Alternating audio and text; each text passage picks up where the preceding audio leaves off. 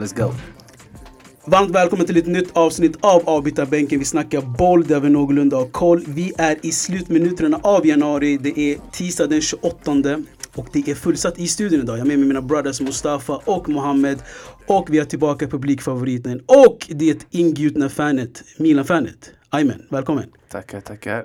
Big shout out to the new studio. Som sagt, den här studion är helt galen. Location unknown, obviously, men uh, big up, big up. Nej, jag tycker att vi ska downtalk våran studio som vi hade innan också. Mycket kärlek där. Nej, såklart, såklart. Det, det är inte bara bara, you gotta Förstår du? Man måste väl uh, ge lite props. 100% det känns att vara tillbaka. Känns nice, känns nice, känns kul.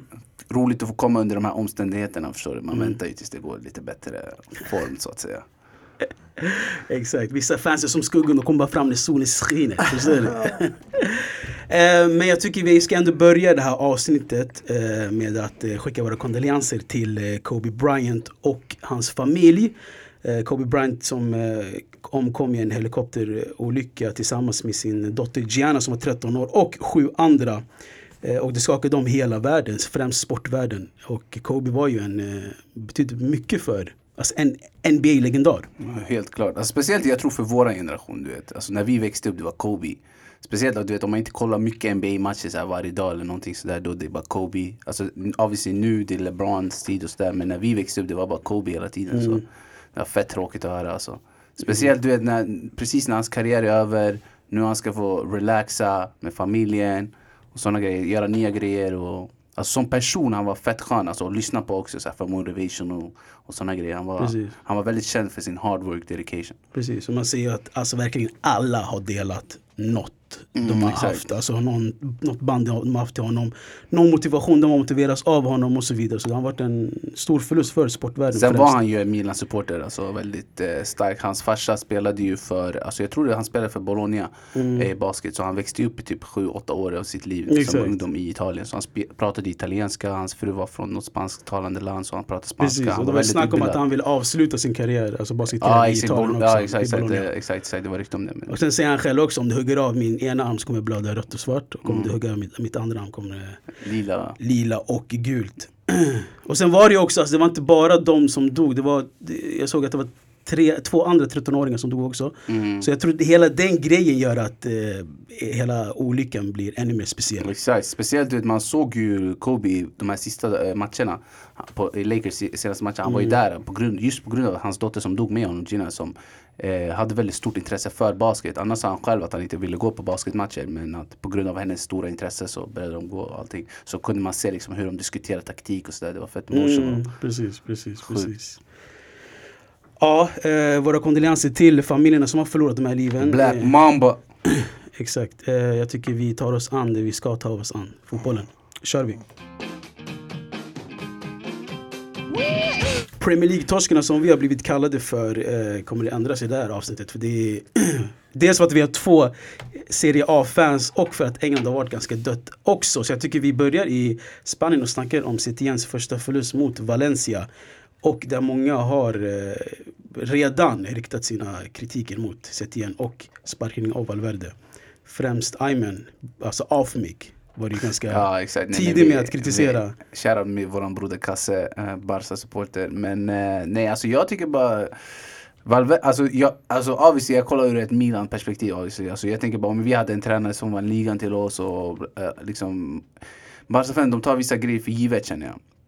Men sen jag förstår, de vill spela sin tiki-taka fotboll och så vidare. Men jag känner bara att eh, Barca vill se en startelva som inte funkar just nu. Förstår du? De vill, de vill spela Busquets, Dion och Artur. Men man märker så fort Arturo Vidal kommer in, det är då Barca är som bäst. Och de vägrar acceptera den typen, spelartypen. Förstår du? De vill ha en tickande fotboll och jag tror bara inte det kommer funka med Frankie de Jong och Busquets samtidigt. För jag tror att Frankie de Jong vill spela i Busquets position. Men det är bara jag som kollar liksom, matcher ibland så att säga. Nej, alltså, såklart, det, det är för tidigt att ens ifrågasätta sitt igen. Men man kan ju ifrågasätta om det var rätt att sparka Valverde. Det är det jag menar. Alltså, jag, jag lovar dig. Alltså, jag tror att Barca, om de hade haft kvar Valverde, de hade hotat om ligan till slutet. Nu tror jag ligan är redan, alltså jag tror inte de kan vinna, jag tror inte de kommer vinna ligan för det kommer bli mycket experiment och men det verkar som att Barca-fansen vill ha det. Nej så. men sen, sen jag, hade, jag och Mustafa en diskussion innan ni kom. Det finns ju den här uh, alltså, diskussionen och argumenten. Om man, ska, ska man ta liksom eh, att spela tråkigt och vinna titlar eller ska man prioritera DNA och filosofin som CTN kommer med och liksom ändå eh, få lite förluster och eh, backlash i bagaget? Mm. Alltså jag tror som sagt nu på förhand alla Barca-fans kommer säga att de väljer Setien och hans fotboll eh, framför Valverde. Men eh, om man skulle spola framtiden, vi säger ett och ett halvt år och eh, Setien inte vinner ett skit med det här Barca-laget eller de värvningarna han får göra kommande sommar och nästa transferwindow. Då hade man i efterhand ångrat sig och jag tror man hade valt en Valverde även om hans fotboll inte är lika attraktiv men om du resulterar i titlar eh, så kommer man välja det alla dagar i veckan. Eh, men de är giriga. Jag känner i alla fall att Barca-fans är giriga. För att Alltså jag ska säga till exempel Real Madrid, när de vann tre raka Champions League-titlar, eh, det var inte som att de spelade världens vackraste fotboll. De hade sitt sätt att spela på. Det var offensivt mycket mål, men de släppte in en hel del mål. Men man var ändå nöjd. Man uppskattade det Zidane gjorde och det Cristiano gjorde för laget. Men de här, det är liksom Ja men vi vinner ligan men vi ville Champions League. Skulle Valverde vinna under Champions League, jag lovar, de hade inte varit nöjda där. De hade Ja, bara, nej men vi vill inte vinna 1-0 matcher. Vi 100 vill vinna 3-0, 4-0. Vi vill döda lag. 100% jag tror det var mycket med Liverpool-torsken. Alltså den där den sitter i deras huvuden förstår du. Sättet de åkte ut för att de vann Camp Nou 3-0. Eller visst var det 3-0? Och Ja. jag tror det var den och Roma. Exakt, alltså, Ja, alltså, men- jag, jag tror redan för tre år sedan vid den här matchen mot Roma, det är där bygget skulle ha börjat. Det är där man skulle ha rensat Men och bror hålla han på. kommer Men, till semifinal, allting. Alltså jag menar, och vinner ligan varje år. Alltså jag kommer aldrig glömma när Luis Enrique kom. Då alla bara åh shit, han spelar rak fotboll, han blandar med tiki-taka och rak fotboll. Alla, man hypar sönder honom.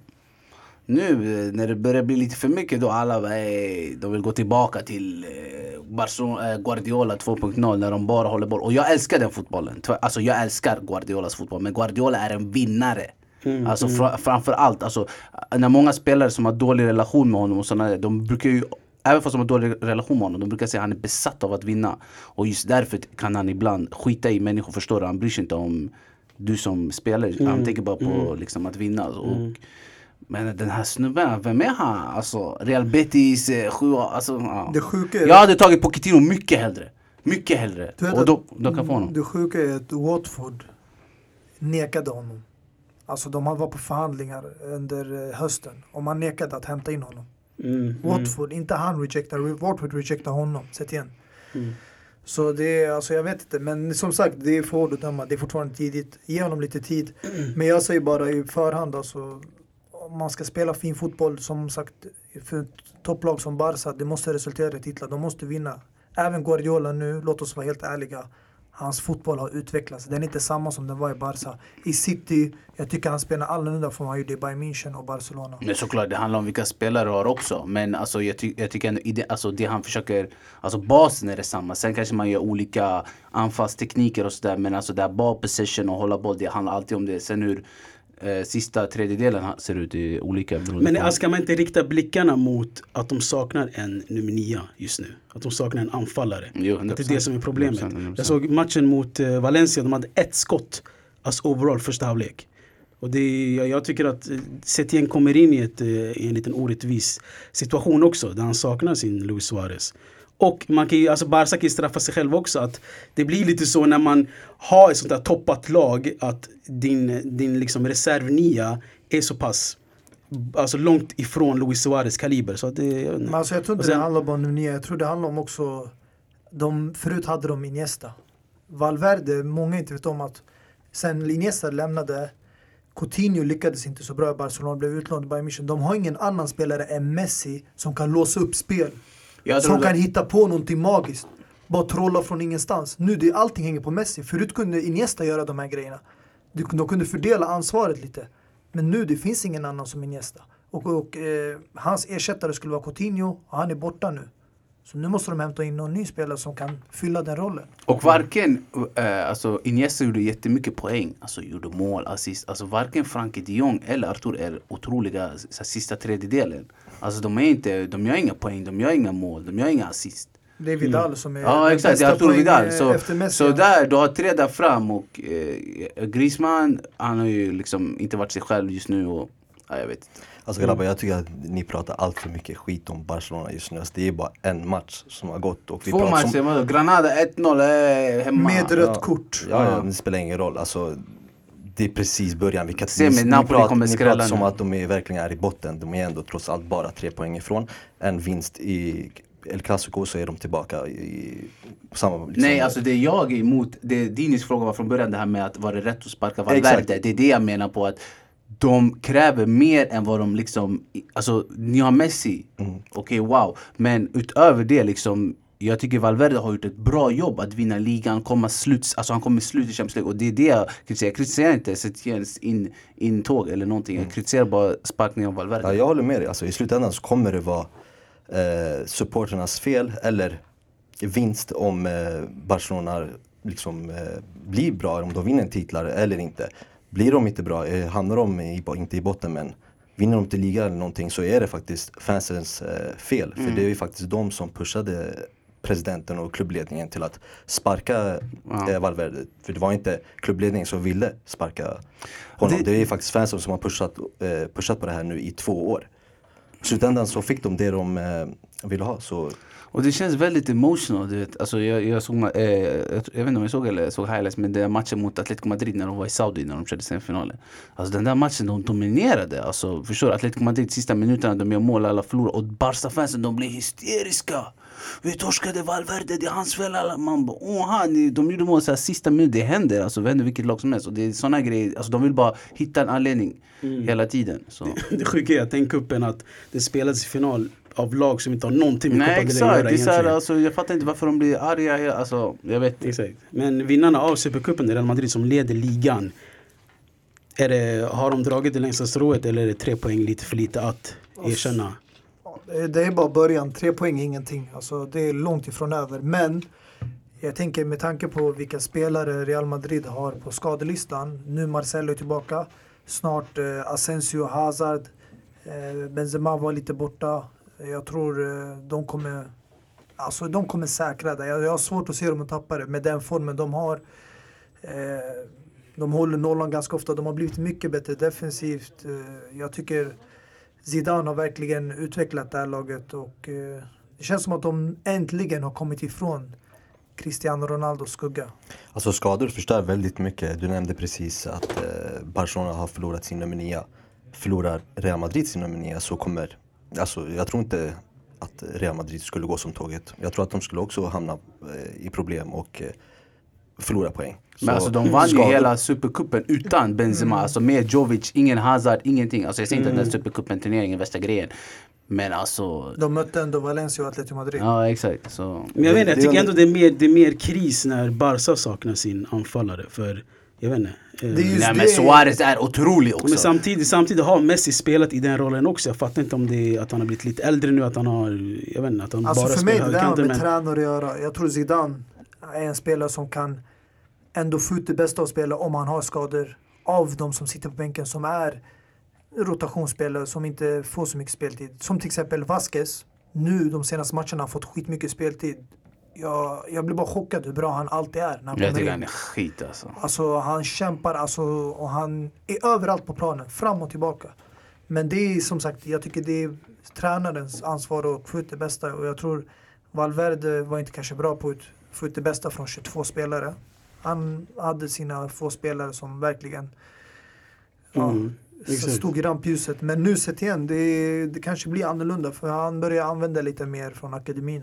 Exakt. Och det, Men jag tycker ändå samtidigt, alltså stora skillnader jag tycker när Benzema och Suarez, alltså Benzema, alltså som eh, Mustafa säger, alltså det är bra lag. Förstår du? Alltså Real Madrid, det är inte liksom, jag tycker inte det är Benzema beroende på det sättet. Fast- Benzema har varit otrolig. Jag tycker inte samma beroende. Men Suarez, han gör ju mål från överallt.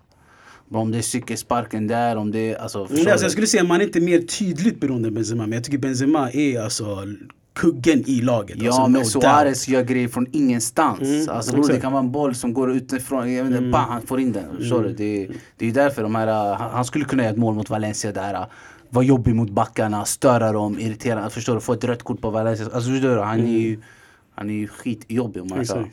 Och det vi har fått se fram emot det är ju Guardiola mot Zidane, Barca mot City och Eh, förlåt, säger jag Barca mot City. City mot Real och Barca mot Napoli. Så vi, om knappt två veckor så kommer vi snacka om de här lagen igen.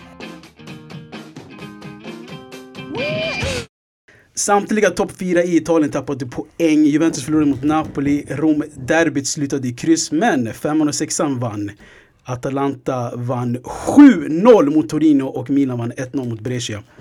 Eh, Italien är i sin peak, eller? Det är alltså mer underhållande än någonsin att kolla på italienska ligan nu. Alltså jag skulle nog säga mer att Atalanta är i sin peak än att hela Serie A är i sin peak. Alltså för det är bara de som vinner med sådana här siffror. Alltså det är sjukt. Vad var det? De hade tre, av de senaste matcherna, tre matcher, de har vunnit 5-0 Milan var det. Och sen var det 5-0 mot ett annat lag och 7-0 nu. Mm. Det är, ja, Gasperini han har hämtat ett spel som vi aldrig har sett i Italien förut. Jag tror inte så jag har sett Napoli spela på det här sättet under Sarri. Kan man säga att han är bättre med 3-5-2 än Conte eller? Lite lätt. Alltså jag tror han har bara hittat de perfekta spelarna. Mannen det har ingenting med spel, han har blivit spelare tio gånger. Utan att, Tio gånger, alltså nu om du alltså bror, driver? Han har förlorat, alltså alla lag, alla topplag har Atalanta-spelare.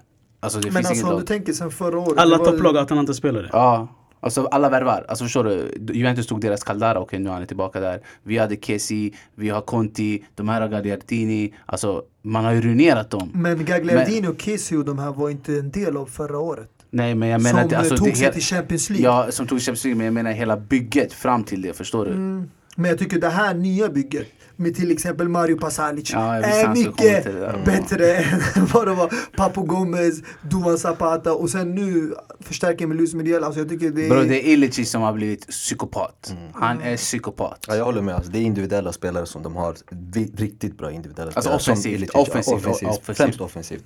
Ilicic, eh, Zapata, Muriel och eh, Gomez. Alltså, Men alltså det det är de- sjuka är ju Muriel sitter ju typ alltid bänk. Zapata har varit skadad i typ två månader, kommer tillbaka nu. Så de har ändå gjort målen utan de här spelarna. Det är helt sjukt. Och sen, jag ska inte hålla på att vara taskig sådär men låt oss vara ärliga. Så Atalanta, ni gör riktigt bra när man vinner 7-0 och sådär men det kommer inte ta er någonstans. Visst Champions League, väldigt bra om ni kommer dit men vill man inte nå nya höjder hela tiden. Vilket jag inte tror de kommer att göra för de säljer ju Vad är nya höjder för dig? Nya höjder är att de går upp, för en, nu har man tagit Champions League. Försök stabilisera er i De är ju Champions stabiliserade, de är ju där nu, runt om där. Alltså Ja, de är femte plats. Jag tror inte att de kommer ta Champions League-platsen.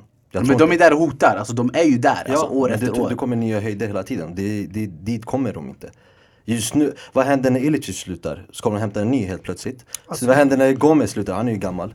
Vad händer när Zapata säljs? Och så vidare. Alltså jag av tror dagen, inte att de kommer fortsätta. Ja, alltså du har ju en poäng men det är som sagt allting hänger på om de kan behålla de här nyckelspelarna och om de kan förstärka.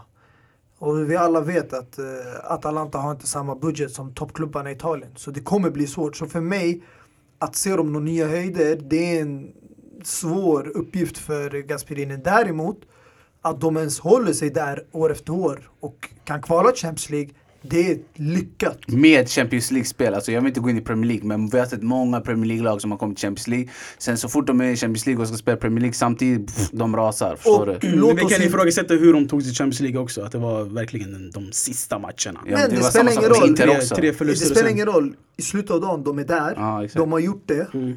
Och låt oss inte glömma att de är vidare till åttondelsfinal. Exakt, vilka möter de nu igen? Alltså, i förhand, hade du frågat vem som helst av Mm. ve- vem som skulle ta sig vidare av de svartblåa, Inter eller Atalanta, alla hade sagt Inter. Men nu är det Atalanta som är i åttondelsfinal och de möter Valencia. Jag tror starkt på att de kan till och med komma till minst kvartsfinal för att de möter just Valencia i åttondelen. Så det här, det är, de har mycket att se fram emot det här året.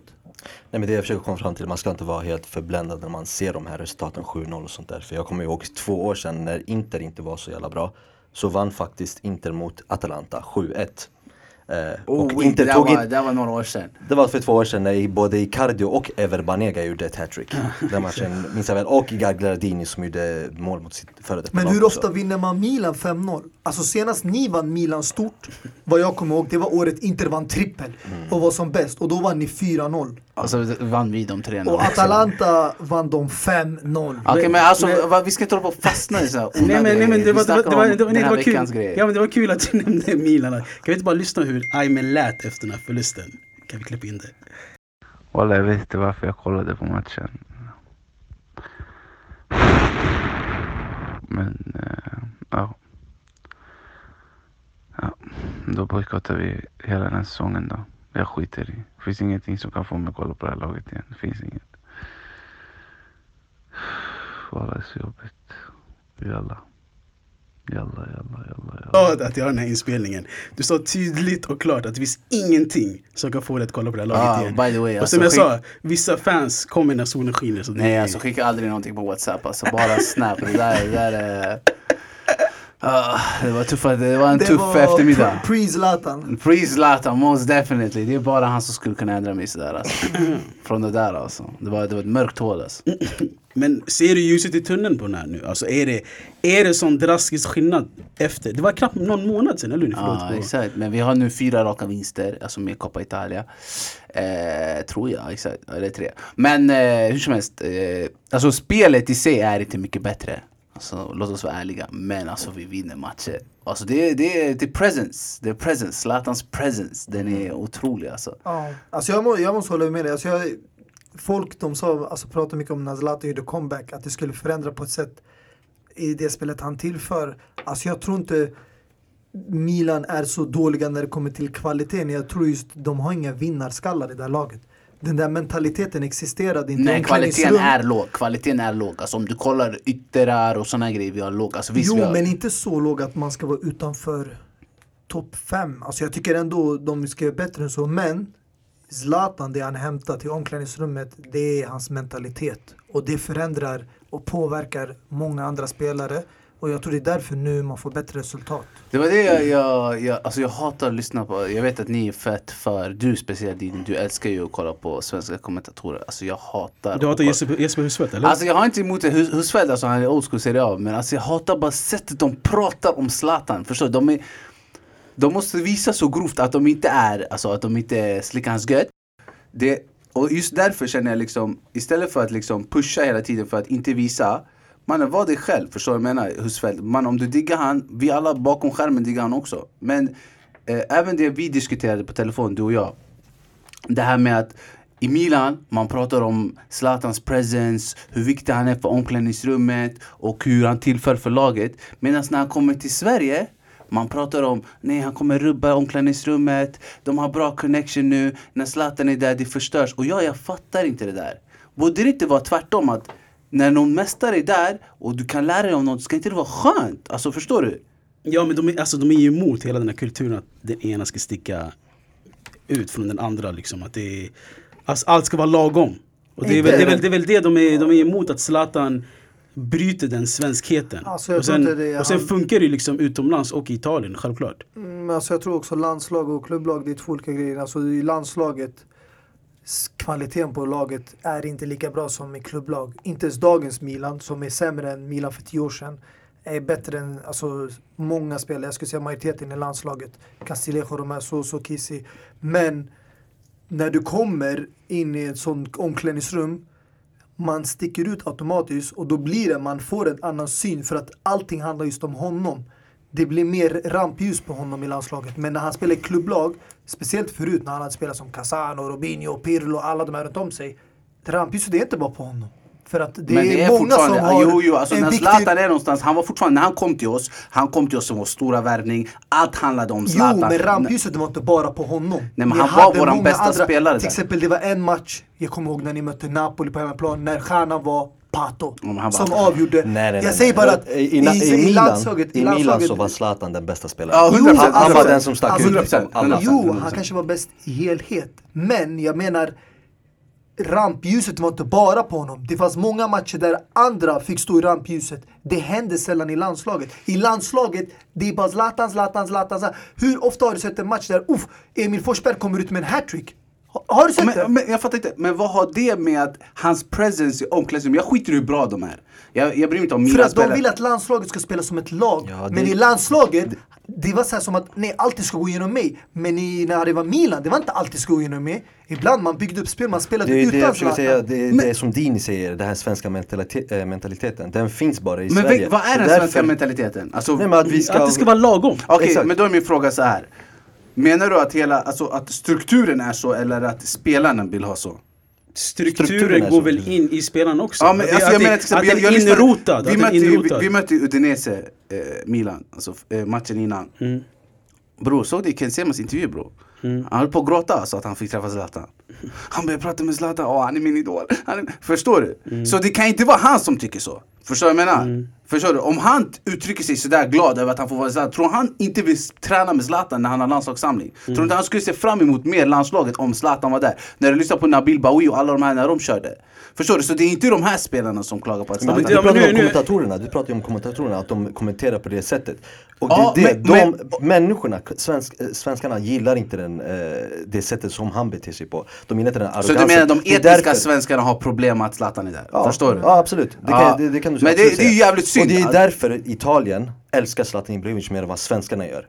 Det de faktiskt. För de älskar, den här hemskt. arroga- de älskar den här arrogansen, de älskar att en person sticker ut sådär. De respekterar stjärnor, de kan se en stjärna. När de ser en stjärna, de ser inte någonting negativt. De ser någonting wow, de blir glada. This is a superstar. Förstår du? Även- vi, alltså, även- vi även- pratade om kommentatorer och fans, sen du hoppade till vad spelarna tycker. Jag pratade om vad spelarna, Nej, alltså- alltså, jag menar vad vi åskådare. Men alltså svenska kommentatorer speglar ju. Nej men de Det är såklart det alltså, speglar, såklart speglar. Att de, att, de sa, att de när de kommenterade Milan Udinese, eller, ja, exa, eh, eller så var det den här mot Brescia. De kommenterade, de bara Åh Zlatan förut, han tog mycket plats, han var inte bra ledare. Mannen, alltså han var vår största ledare med Gattuso, med Cedorf. Alltså han var en av, Exakt. han var en, han, han var en av ledarna bror. Alltså när Gattuso och alla de här, han var fortfarande sig själv men han var fortfarande ledare. Varför kan man inte få vara sig själv och även kunna vara en ledare? Tror man måste vara på ett visst sätt för att vara en ledare? Nej, alltså man jag, kan vara alltså ledare jag på tror, sitt sätt, jag, förstår du jag vad tror jag också du vet kommentatorerna eh, när de ska hålla sig professionella och, och objektiva Det ingår att man inte ska du vet, hylla spelaren mer än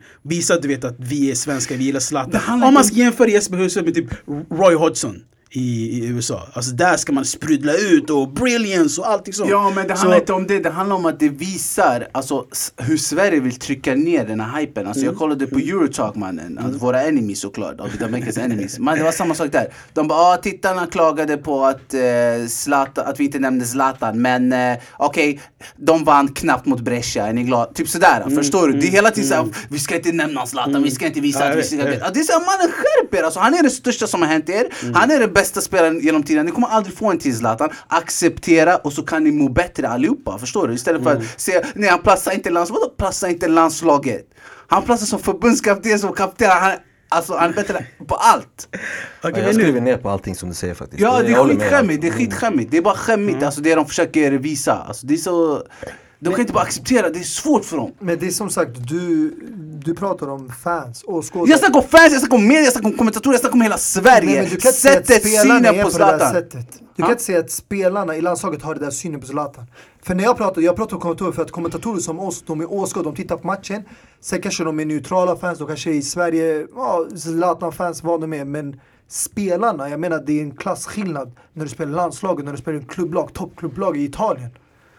Alltså du sticker ut automatiskt mer och det kanske de inte gillar. Men av en anledning att de vill att man spelar mer som ett lag.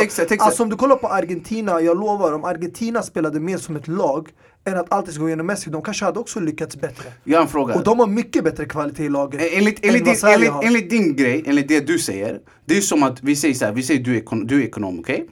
Du- Vi säger du går till eh, ekonomisk byrå, eh, ekonomibyrå som är väldigt alltså, standard Vilket är Sverige, okej? Du går dit, du sticker ut där Det är mycket lättare att sticka ut där Än om du är någon jävla Wall Street och du ska sticka ut där, förstår du vad jag menar? Fattar? Om du lyckas sticka ut Wall Street, ska det vara problem att sticka ut den här lilla skithålan? Förstår du vad jag menar? Om han har lyckats sticka ut till Wall Street bror Bror, ge han röda ge om han vill bror! Förstår du? Du spelar, ni ska vara alltså, koner om han vill, du förstår du? ut, alltså helt ärligt. Alltså han stack ut i Milan bland gamlingar. Alltså om du skulle ta Cedorf och Pirlo och de här i sin prime. Hade I han- sin prime, Pir- Pirlo gick till Juve, vann ligan, han fucking Ah, värde upp hela det där men han, laget! att han är fortfarande bra, han var inte deras bästa spelare fortfarande. Jag skulle kunna Okej, nämna många. nej. okej, Alltså, okej, om, vi- om, om, om, blir sakliga lite Rubinho som du själv sa kommer få sitta. Om- Alltså hur många var i sin prime när Zlatan var där? Helt ärligt. Alla var i sin prime! Nej, Alla var i sin prime, Om, Zlatan- om vi blir Milan var i sak, en sin fråga då, prime. en fråga, en Gattuso, fråga då, en fråga då, en fråga då, en fråga Man, ingen kommer glömma vad vi gjorde med Barca i vad är lösningen? Alltså det här är ju bara Alltså sex månader vi snackar. Alltså vad, vad kommer snackar du om? näst? Är Vad Sverige efter? samhällsproblem är- eller Milan? Nej. vi, kan, vi kan ta på det om du vill. Men jag snackar om alltså, alla har glömt den här ruschen du vet. Kommer du inte ihåg när Milan eh, splashade 400 millar på, på, vad var det? Men det- du snackar om helt annat sp- sportchef. Och alla de här grejerna. Och inga, inget av det här är klar, kvar nu. Alltså. Ingenting. Alltså man har till och med lånat ut uh, Atalanta-spelaren tillbaka till Atalanta, eller hur? Caldara, ja. Caldara, exakt. Så, Alltså, jag ska vara helt ärlig, jag kollar på de här serielagen och det är bara tillfälliga lösningar. Du ser de här, de hämtar Zlatan, gamling, förut de hämtade Michael Essien. Sådana här spelare. så, så de här, Inter, du har rivalklubben som hämtar Ashley Young, Alexis Sanchez. Alltså, Varför det är... nämner du bara de dåliga Exakt, spelarna? Nej men nämner alltså jag har märkt, alltså i Serie Säg inte de A. märkt, vi pratar just nu om Milan. Ashley, Young som bara representerade sig bra och gjorde en assist direkt. Väldigt bra, men, eh, Absolut, de gör det bra. Men min poäng är, det här är bara kortsiktiga lösningar. Det är för att de vill inte investera, de vill inte riskera de här stora summorna pengar på en flopp som inte kommer lyckas och sen går man minus för att de vet att de har många andra efter sig. Alltså det vill säga Financial Fair Play. De har redan blivit straffade tidigare. Milan blev utsläppt för Europa League. Roma och Inter åkte på en böter. Sådana här grejer och blev eh, reducerade spelare i truppen i Champions League. Vad jag försöker se är att de vill inte ta de här riskerna. Så vad kollar man på? Man kollar på kortsiktiga lösningar. Och i Milans fall, jag säger Zlatan var en perfekt kortsiktig lösning. För om det är någonting som kanske kan få dem till topp 4 och ändra, få upp motivationen bland de här spelarna i omklädningsrummet. Det är en stor spelare som Zlatan. Okej, men ska vi gå från en kortsiktig lösning till en eh, långsiktig lösning då? Idag presenterades Christian Eriksen till eh, Inter Milan. Vad, vad säger ni? Vad, vad betyder den här värvningen för konkurrenterna? Det, Ja. alltså jag säger det betyder mycket. Ja, jag För tycker- Inter har inte ni? spelartyp. Jag tycker, men alltså bortsett från det, det här visar eh, Inters, eh, vilken, alltså de har, vad säger man, alltså de, har, de kan locka till sig stora spelare nu. Vi snackar om en spelare som har sex månaders kontrakt kvar. Alltså förstår du, han kunde egentligen välja vilken klubb han ville. Alltså vilken klubb som helst skulle ta honom för 20 mille. Och han valde Inter, så det säger mycket om Contes intåg och hur, liksom vilken... Eh, Alltså jag tycker man har överhypat Christian Eriksen. Jag säger inte Man att han är slut. alla Alltså jag, alltså jag tycker inte han är slut per se. Men hela du vet den här presentationen, man var i en opera typ och väntade in och skulle men ta bror, massa du har fastnat, jag tror du har Nej, fastnat mycket i de här sista månaderna. Nej, nej, Eriksen i men- bänken jag, och lalla. jag, jag sa det förut också, är man sugen på att hämta en spelare som kan växla om och spela med sitt humör när han vill och hur han vill, eller vill man ha en spelare som ger järnet hela tiden? Christian Eriksen är en skitbra spelare. Han i är en skitbra spelare alltså, men jag vet inte om det var det, det absolut främsta som eh, inte behövde. Alltså jag känner bara den här viben att vet, man hämtar för många spelare. Alla typ såhär, jag ska inte jämföra Inter med Aston Villa nu, men de hämtar typ såhär 12 spelare på en gång. Alltså, på något, på något Alltså, sätt, ja. det, det brister. Förstår? Det bär inte längre. Du kan jämföra dem med Fulham många- istället, Fulham. Nej alltså det finns en Ah. punkt jag håller med om och det är det här med humöret. Alltså om du kollar till exempel nu Coutinho. När man, många visste att han skulle lämna i januari till Barcelona innan han lämnade Liverpool. Han gjorde ändå en skitbra höst i Champions League-gruppspel och i ligan. Han levererade för Liverpool och han fick starta. Men han hade inte Christian samma Eriksen- kontraktssituation, han hade inte samma Han hade inte samma kontraktssituation. men Eriksen, det jag menar är att när man vet på förhand att den här spelaren kommer lämna. När man visste det, han tappade helt. Hans prestation sjönk rejält. Och han hamnade utanför elvan. Och det är som Dini säger, han har det här humöret.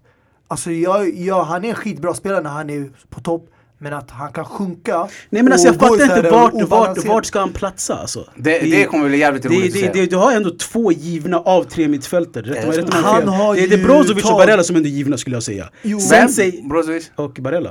Skulle jag säga. Sensi inte. Nej, Sensei i hans form som han är nu. Ja exakt, Kommer- formen nu. kommer väl Christian Men det men kommer sen bli kommer jävligt intressant för Conte han vet det- inte spelare som kommer bara, alltså Eriksen är skitdålig defensiv. Alltså, skit, alltså vad jag har sett. Jag har inte sett något bra defensivt utav honom. Mm. Och att han ska vara ett tremanna mittfält för Conte. Det kommer bli jävligt kul Alltså, att se. det är- Eller om Conte helt plötsligt kan byta en laguppställning, vilket han aldrig har gjort i hela sitt liv. Så ska Det är ju redan klart vems plats han kommer ta i truppen, eh, eller om ryktet är sant. Det är ju Vicino är ju klar snart för Everton. Eh, Som skulle, Mm. Det var ju nära på att gå till United, United också, eh, ja, är ja, sant. men de nekade ett lån där. Ja, ja. Så, men det är som sagt, eh, ja, alltså jag tror Eriksen hade passat bättre om man spelade som han gjorde till exempel med Chelsea, 3-4-3 är en av de här två bredvid Men vad ska göra med. Lukaku och Lautaro? Men det är det, han spelar inte den formationen. Han spelar Ja. 3-5-2, så i tre man i mittfält. Det blir svårt. Men som sagt, vem har sagt att han kommer ta en startplats? Alltså det blir inte svårt. Om Sensi kan spela i 3-5-2 så kan Eriksen också göra det. För Sensi är definitivt inte en bra defensiv spelare. Han är absolut inte det. Barelle kan, eh, kan liksom Men Sensi är väl alltså, mer motorisk än Eriksen. han är löpvillig. Han är mer... Ja, jag skulle inte säga det heller. Han har ju Inte- den här lilla, alltså, Alltså, han han, inte han har det där drivet, han kan komma Ja, förbi det enkelt. kan han göra i en offensiv planhalva och genom, komma förbi genom backar och sånt där. Men han kan inte ja, alltså, ta det här jobbet hem och lägga glidtacklingar likt eh, som eh, Barella och Brozovic och så vidare. Så jag tror att han med tiden kommer ta över. Jag vet inte, jag får ett vibe att det var lite överflödig värvning och det var lite så här. Ingen så här du vet pinpoint scudetto-värvning. Nej men det är klart, det, alltså, vi i Inter, vi har inte de där spelarna som Juventus har. Frågar du Aymen som Bro, är vår gäst sluta idag. med det där han, han, han, snacket! han, han säger ju att vi ska vinna ligan. 100 Att vi måste vinna ligan. 100 procent mannen, jag säger, nu- vi låg tionde plats när vi hämtade Zlatan, jag sa vi ska komma topp fyra. Förstår du? Jag är bara- jag är det, bara glad det, är att- pressar, det är pressar jag sätter på oss, förstår du? Bara Det, på en är- sån det, är- det är inom räckhåll. Jag är bara Nej, glad det är att absolut, det är alltså, det, är mycket, det är mycket större chans att inte vinna ligan än att vi kom topp fyra. Ja, vad är det? Ni är Alltså, jag- är sju jag- poäng efter dem, Ja, sju poäng det är efter Roma, rekord. de är tre poäng efter Jag Juve. tycker så här. då. Jag håller med Aymen av en anledning. Om du kommer in som tränare och du gör av dig med spelare som Icardi och Perisic och nu Politano Nainggolan, här. Nainggolan. Då ska ha du lite fa- ja, men låt vett i skallen. För det är inte sant. sakliga? Nej Ja, nej nej men sanningen är att man kämpade inte ens för att övertyga de här spelarna att stanna. Man släppte... Man slängde Det är dem, inte vadå? sant. Det är man inte sant. slängde i, Ja, ja, det är inte sant. Icardi, Vadå, Perisic, Nainggolan. Perisic? Perisic, Om absolut. jag får bara Nainggolan ville han inte kasta. Nainggolan har gått ut sagt själv att han Marotta, ville ha Marotta kvar ju. Marotta sa ju de här spelarna kan inte vara kvar bro. Exakt, Marotta. För Marotta Ja. var där innan Conte var där. Och han, Marotta har bestämt att Perisic, Nainggolan och Icardi skulle Okej, får lämna. jag fråga en fråga? Får Jag jag är fråga- 100% säker på, kanske Perisic, kanske eh, Perisic, jag vet inte honom. Men jag är 100% säker på att om Conte hade varit kvar och det hade, och det hade inte varit någon negativ, negativitet i laget så hade Icardi och Nainggolan varit kvar i min laget. fråga till dig. 100% Okej. och då, Aymen min vän, då kanske vi hade kunnat Okej, vinna får- ligan. en, fråga, en fråga, en Men just en, nu, en, fråga, en fråga till dig. Tror du, nu när du snackar om spelarna som fanns, du tror inte Marotta och eh, Conte snackade under tiden Pioli var tränare, eh, men vad heter han, Spalletti var tränare? Om De snackade inte innan. Jo, det är Vad som pågick. Det är möjligt. Självklart, 100% de gjorde det, de Men pratade, har ju Conte hade gått ingen ut jobb. och sagt Okej, okej. att det här är inte mitt beslut. Okej. Det här var Inters Såklart. beslut. Ja men då så, så då kan han ni redan gå bort pressen från sig själv, han är smart, Mustafa han är smart, Conte är smart. nämnde precis Nyss det. anklagade vi inte Real Madrid, bror jag frågade eh, Mohamed nyss, jag bara Se en spelare Conte inte, har, Conte inte har fått, nämn en! Dzeko nämnde du Dzeko! själv. En bänkspelare, han fick inte en bänkspelare, okej. Han fick inte, han vill ha Dzeko som bänk, sorry. Du vill ha Dzeko som bänk. Och det är sorry. dåligt, eller? Sorry Conte. Och det är Du- dåligt eller? Nej det är Exakt. skitbra men alltså du kan inte ha en sån där spel på bänken. Vem har vi som bänk just nu? Vem har vi som bänk just nu? Sanchez, Sanchez. Tack. Förlåt, jättedåligt. eller Sanchez, en liten kortis som inte kan göra någonting i anfallet. Eller Dzeko som är stor som vi såg i tycker du ska Romderbyt. visa mer respekt för inte, hallå, Nej, man ska inte grabbar, om vi ska- diskriminera folk. om Vi har ska Dini prata om här Inter, mannen. Om ni, om ni ska prata om Inter och så, ha lite vett i skallen och kom lite... Alltså liksom, min, i alla fall min kunskap. poäng, jag fick inte avsluta, min poäng är att det, är inte, det här är inte bara sportdirektör, det är tränare också. Det var som i Chelsea, när innan Conte blev tränare, de hade redan kommit i diskussioner där de hade sagt att de behövde förstärka mittfältare och de hade sagt att de skulle gå all in på Kanté. Det, det fanns vissa överenskommelser. Samma sak med deras Alltså i Inters fall, era försäljningar, jag tror det finns en viss överenskommelse om att han sagt okej om ni ska sälja Icardi då vill jag ha Lukaku som ersättare. Han sa la la la la la och man hittade lösningar till allt. Nej, jag säger bara så här. om du gör av dig med sådana där typer av spelare och du ersätter med andra spelare då ska du fan vara redo att vinna ligan. Eller Och om, förbättra det, om dig. det är så. Om Ja, det men är han så. påstår ju att, speciellt- han påstår ju att eh, Conte inte vill ha Lukaku. Det har jag absolut Det inte sa du visst. Det alltså- du sa, du sa, du bara, jag Det vet inte om det var är hans ju första val. för Första det- val. Det Det, kan vara möjligt. Nej att men det är redan var hans skitsnack för det vet vi redan i Chelsea. Men lyssna, När han förlorade dragkampen. Det, han det, det här är också känt, han läser ni i nyheterna, läser ni allting Sky och allting här.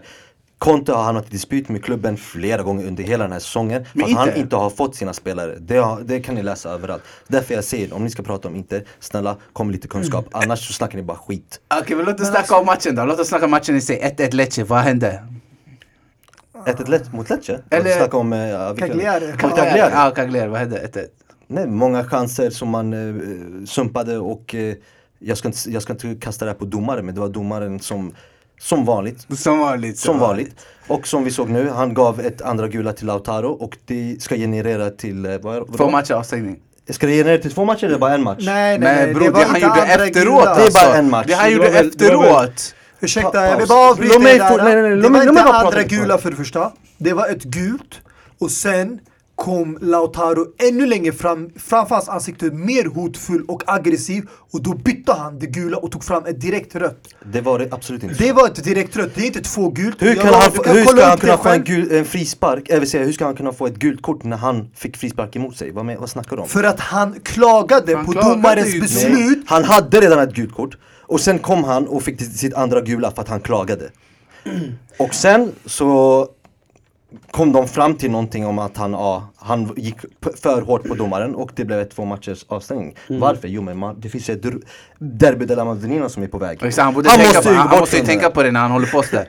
Lite, lite Alltså, framförhållning Vi vi på är inne honom. mycket i spekulation och det är sant, Lautaro Martinez kommer missa Milan-derbyt. Men vi gör så här då, det är ändå en, vad blir det, nu, fyra månader kvar så vi kommer ändå återuppta den här diskussionen allt eftersom. Så Nej men sanning, jag ville, alltså när det kommer till Cagliari-matchen, ni hade ändå många lägen. Alltså, hur kommer det sig att ni inte sätter de här lägena? Alltså, rent, är det anfallsproblemet eller? Nej det kan vara mycket alltså när man har skador som sagt. Det har varit skador hela den säsongen och därför säger jag till dig, Conte har inte fått sina spelare som han vill ha. Har du Brozovic skadad, vad händer då? Jo du lägger in en 35-åring, jag vet inte hur gammal han är, Borja Valero i hans position. Dini, vad säger han? Så ha, har du nu Lautaro Martin som inte kommer vara med i derbyt och i nästa match Ja, då kommer. Sanchez in, oj. Då kommer Sanchez in som Ja, fått spela något som har varit Dessutom har varit skadad och inte har spelat någonting under hela säsongen. Ska han börja spela den här När han egentligen skulle ha haft vem då? Dzeko Så hade det inte varit äh, men jättestor skillnad om du hade Dzeko och La, äh, Lukaku där. Men man inte men- få men- men vi gör inte så här, få allt. vi- Man vi- vet vi- Inte ens Juve eller Real och Barca fall. vi gör så här då, Ingen vi gör så här vi återkommer med den här diskussionen efter eh, derbyt. Om derby, snackar du om Milano-derbyt eller snackar du Mm, om jag menade Rom-derbyt? Milano-derby, sen finns det ett annat derby vi inte snackat om heller, eh, Rom-derbyt. Vad säger man, vad kallas det för Det är egentligen? målvakt, målvakternas tabbes derby eller? Det kan det också heta, men jag tänkte f- hela liksom, derbyt, vad kallar man det? Romderbyt? Cap- Derby derby del de- Capitale. Capitale. Derby, derby della Capitale heter det faktiskt. Ah, sorry, jag är inte italienare. Ja, tack för till italienska lektionen. Ja, måste säga, det Men- målet var ju riktigt Fifa-mål alltså. Det där uh, Lazios mål. Det här Alltså- Fifa-tabbe-målet. Paolo Lopez. Alltså det känns som att Roma har haft, sen de eh, sålde Alisson Becker, de har haft väldigt svårt att hitta en... eh, Sen de sålde världens bästa målvakt. Alltså jag ska vara helt ärlig. alltså jag skulle inte säga att han var världens bästa när han lämnade Nej, Roma. han kostade bara 75 miljoner när de köpte honom. Men, Ja, 65, han, var- men han, var han kostade målvakt. så Men när han kom till. Premier League, han blev stor målvakt helt plötsligt. Alltså där, som du säger, som Zlatan gör med eh, Milan, gör Van Dijk i Liverpool. Hur som helst. Jag tycker eh, ja, Roma gjorde en bra match ändå med tanke på att Lazio har ju eh, liksom Ja, de har ju slicat upp eh, lagen i Serie A höger och vänster. Nej, alltså Rom- Fram tills Rom-derbyt. Ja, Roma var bäst från minut ett, utan snack. Alltså, det var bara det där målet. Man visste det, det är Lazio. Lazio är ett nötskal med sina turmål. Om och om. Vi såg ju eh, Immobiles mål mot Napoli i sista minuten. Alltså det är sådana där mål hela tiden. Alltid 90 någonting. Ja, jag vet. Men det, det är flackslaget. De där nazis, de har tur. Men I gotta, alltså Cengiz under var fantastisk. Han var galen Cengiz. Mm. Sen du har Cristante gjorde en skitbra match. Och big up to your United guy alltså. Chris Smalling, på gud. Såklart, han är vill, bättre än alla era backar alltså. Vad gör ni? på gud han är bättre än alla era backar. Ja, alltså jag än idag jag Kan- ifrågasätter att uh, man lånar ut honom ist- istället för att sälja Phil Jones eller Rojo. Som är fortfarande kvar i klubben. Ja, Phil Jones bror, det där är nya Kan vara, alltså. kan vara att ligan är anpassad för försvarare också, att försvarare skiner. Nej men alltså Chris Smalling var skitbra! Ja, han- han är byggd- han är han han är där, byggd för italienska Sa- ligan. Sa- Caicedos, den svarta i Lazio, Caicedos. Ca- Caicedo. Ja, Caicedo kom in, Mm. Immobile, Lucio, alltså han shut everything down. Alltså han var Smal, skitbra. ja, Smalling går från Sma- klarhet till klarhet. Ja, han är skitbra. Och ni har tur att han sa jag ska komma tillbaka till United. Så. Nej alltså nu vill de alltså, bilden 20 direkt. mille eh, säkra honom. Men alltså vi har sett de här tendenserna av Chris Smalling också, att han är en riksbra eh, mittback i, eh, i England och United. Så han har ett bra år Mm. Bror han ska vara given i landslaget. Vem är bättre än honom? i England. Ja, vem är bättre än Ja honom? just nu, absolut, jag håller med dig. En Given, 100%. 100%. Ah, det, det blir intressant att Nej se. nej, han är start bror. Chris Smalling och eh, Maguire. Alltså ska jag veta United alltså, anled- Bror, jag hade lagt in Kai Walk som mittback bara, ta bort honom därifrån. Anledningen jag tror varför eh, Smalling presterar så jävla bra som han gör just nu Det är för att, eh, vad heter han, Frances, Franseko, eller vad heter han, tränaren i Roma Ja, Mm. eh. Han kör väldigt, väldigt offensivt och eh, han kör väldigt så man-man eh, när det kommer till eh, alltså anfallare mot en back Och jag tror Smalling är väldigt bra när det kommer så här man, man mot man. Eh, tidigare när han var i United så var det mycket kompakt. Eh, mycket sånt där tak taktiska grejer som han kanske inte klarade av. Men just nu i Roma så gör han det riktigt bra just på grund av det. Jag tror inte han skulle kunna klara av det här taktiska och vara väldigt kompakt. Jag tror inte han skulle kunna klara av att vara i, Nej, i ett Inter eller Juventus. Ett sånt lag, eller kanske i, du vet, i Mourinhos Tottenham. För han gjorde inte i Mourinhos United, i det lag som han verkligen kom ifrån. Eh, så det är därför. Så jag, alltså, jag ser han, alltså, det är därför han gör det bra helt Alltså enkelt. han påminner mig om när Albiol gick från Real Madrid till Napoli. Och han blev en väldigt bra mittback där. För Napoli spelade också med Sarri väldigt offensiv press. Alltså han kom ju med Benitez men han blev ju bättre hela tiden. Och han var inte direkt ung, Albiol. Men han gjorde det riktigt bra bredvid Koulibaly. Även om Koulibaly var den som stack ut. Så eh, jag tror också Serie A, man måste också vara ärlig här. Det är inte samma tempo Man, i de matcherna. råkar bara vara tusen gånger bättre när det kommer till det defensiva. Alltså tror inte Smalling har lärt sig skitmycket i Serie A? Och jag gillar den här nya generationen Premier League-spelare, de börjar tagga, du mig? Trippier, Smalling, alla de börjar tagga ut och jag diggar det där fett mycket. Men jag visste inte att Smalling var så här bra med huvudet. Alltså såg du matchen mot Lazio? Alltså, Då man tänker tillbaka, Ferguson-tiden, Men- han gjorde ju mycket nickmål alltså. Han Men- är, men han är alltså- också alltså- väldigt snabb. Vi såg den här ruschen när det var han en mot en mot, eh, mot Immo- Ja, Immobile. exakt. Men, men det ni måste fatta är alltså, det, är- det, är- det är bara liksom tydligt att det är laget som är dåligt i United. Mm, För kolla när. Lukaku lämnar, kolla hur ja, 100%. Och när Chris Smalling lämnar. Exakt, och det är det jag försöker komma fram till också. Bara för att Smalling det riktigt bra i Roma så betyder det inte att han kommer göra det bra i United när han nu väl Nej men det är det jag tillbaka. menar, så det, är, så det är United i Jag sig tror det är som är bara problemet auran där. alltså, i hela United just nu. Det behöver en Och sen ny, även, nytt liv. Alltså, även det behöver- ny utmaningen, Ashley Youngs första eh, match är inte gjorde assist till Lautaro Martinez. Förstår du vad jag menar? Mm. Och, Alltså, och nya- för övrigt skulle ha Men- straff tycker jag. Vad tycker ni? Men, ja, vi Ja, kan. alltså nya, nya utmaningar och du vet eh, att komma bort från den här miserian gör Mm. mycket med andra spelare. För det, 100%. i slutändan är det fotbollsspelare, fotbollsspelare de är professionella och de kan spela bra. 100%. Så eh, det, det, det, det är ingen Men nyhet sen att Chris det är Smalling väldigt bra intressant. En annan Roma-legendar satt i bänken, Florenzi. De säger han är snart klar för Valencia. Santon gjorde ju en jättefin match. Är det, Han är, var är, den är, bästa är det redan legendarstämpel på Florens 100, eller? alltså Ja, 100 jag frågar bara. procent Han har varit kapten skitmånga matcher. Respekt till Florenzi. Men Santon var skitbra. Sen du hade Kolarov också. Det var skitroligt för Spe- Spinazzola startade ju som vänsterback. Mm. Sen de tog in Kolarov precis när det var frispark. Du vet, ey, Så uh, nej, det går bra. Jag gillar Roma som fan. Alltså Cengiz under också. Alltså fy fan vilken spelare. Alltså. Så, Mm. det är kul. Det är roligt lag att kolla på. Väldigt roligt. Alltså, jag gillar tränaren främst. Ja. Alltså, jag tycker han gör det riktigt bra. Jag Ja. ser han verkligen ho- förhoppningsvis som en intertränare i framtiden. För jag gillar den typen av Det, det formation känns som att eh, de senaste tränarna i Roma, alla gör det riktigt bra men på ett eller annat sätt de lämnar. Spalletti gjorde det bra och han försvann. Vad heter han? Eh, Di Francesco gjorde det riktigt bra och slog bara Champions League och så han försvann. Men de gör det bra i Det början är inte bara men... dem, det är sportcheferna också. De har, de har skitdålig relation med, alltså Palotto och de där. De har skitdålig relation med fansen. Just hur de har behandlat De Rossi, nu Florenzi. Alltså du vet, Och alla, Totti. de vill ta bort hela den här uh, Serie A-kult, alltså du vet såhär uh, kaptenkulturen, du vet, uh, storspelare. De vill bara att det där ska vara business, var inte too attached to the club, du kan tagga när som helst, förstår du? Ja men en annan tränare som hänger löst då. Eh, Juventus åkte på sin första förlust mot Napoli. Gattuso som inte har vunnit på typ.